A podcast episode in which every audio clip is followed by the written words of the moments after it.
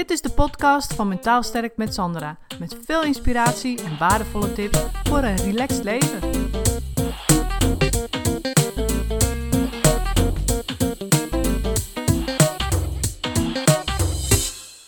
Hey, leuk dat je luistert. Een tijdje terug heb ik een uh, waardevolle video opgenomen waarvan ik dacht: hey, die is ook interessant om via de podcast te beluisteren. Dus bij deze, veel luisterplezier. Welkom, Sandra hier. Uh, als het goed is ben ik nu live, dus dat is echt super spannend. En uh, ik ga vandaag ga ik de vraag beantwoorden: hoe kom ik uh, van mijn angst af? En dat was een van de vragen. En nou, daar ga ik het nu eventjes over hebben.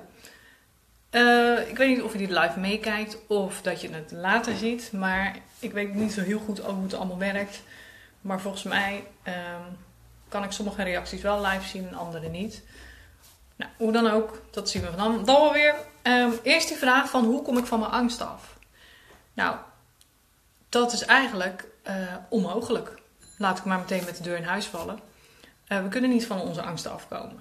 En hoe komt dat nou?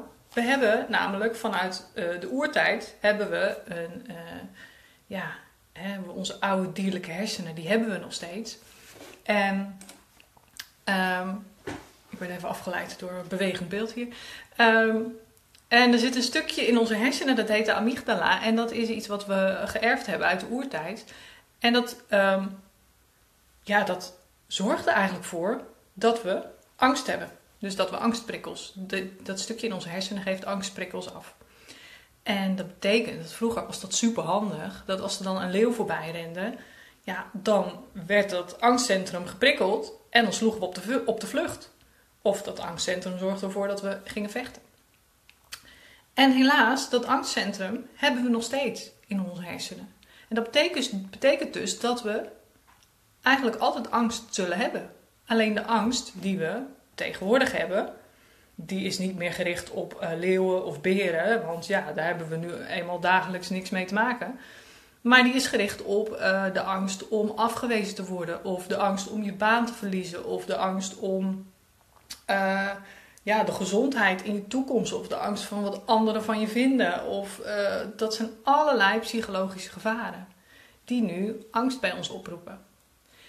En omdat we dus dat angstcentrum in onze hersenen hebben, komen we ook niet van die angst af.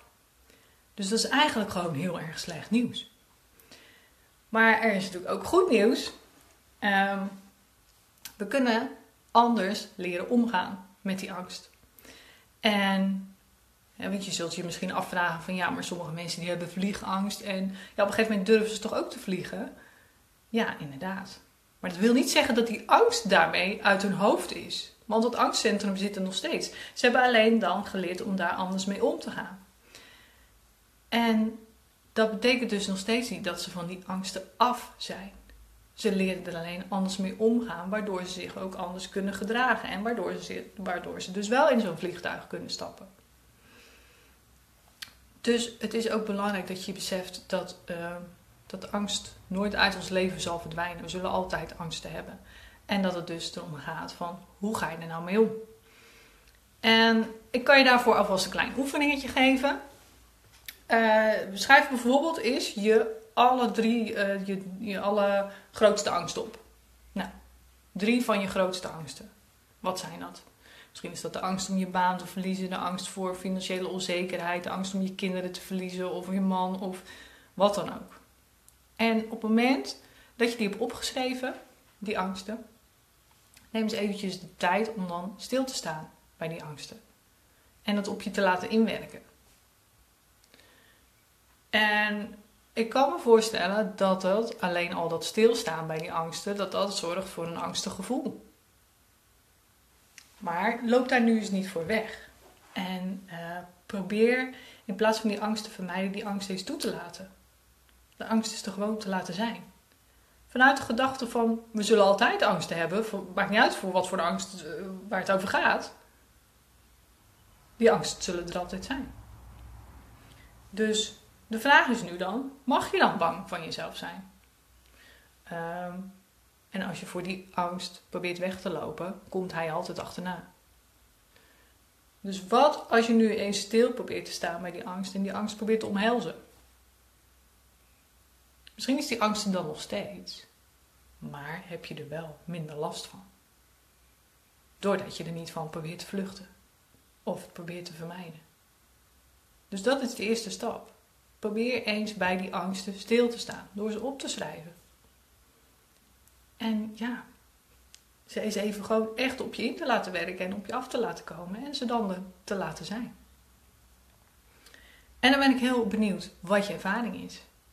Dus die kun je natuurlijk in een reactie hieronder uh, met me delen. En uh, laat me even weten wat je vond van het videootje.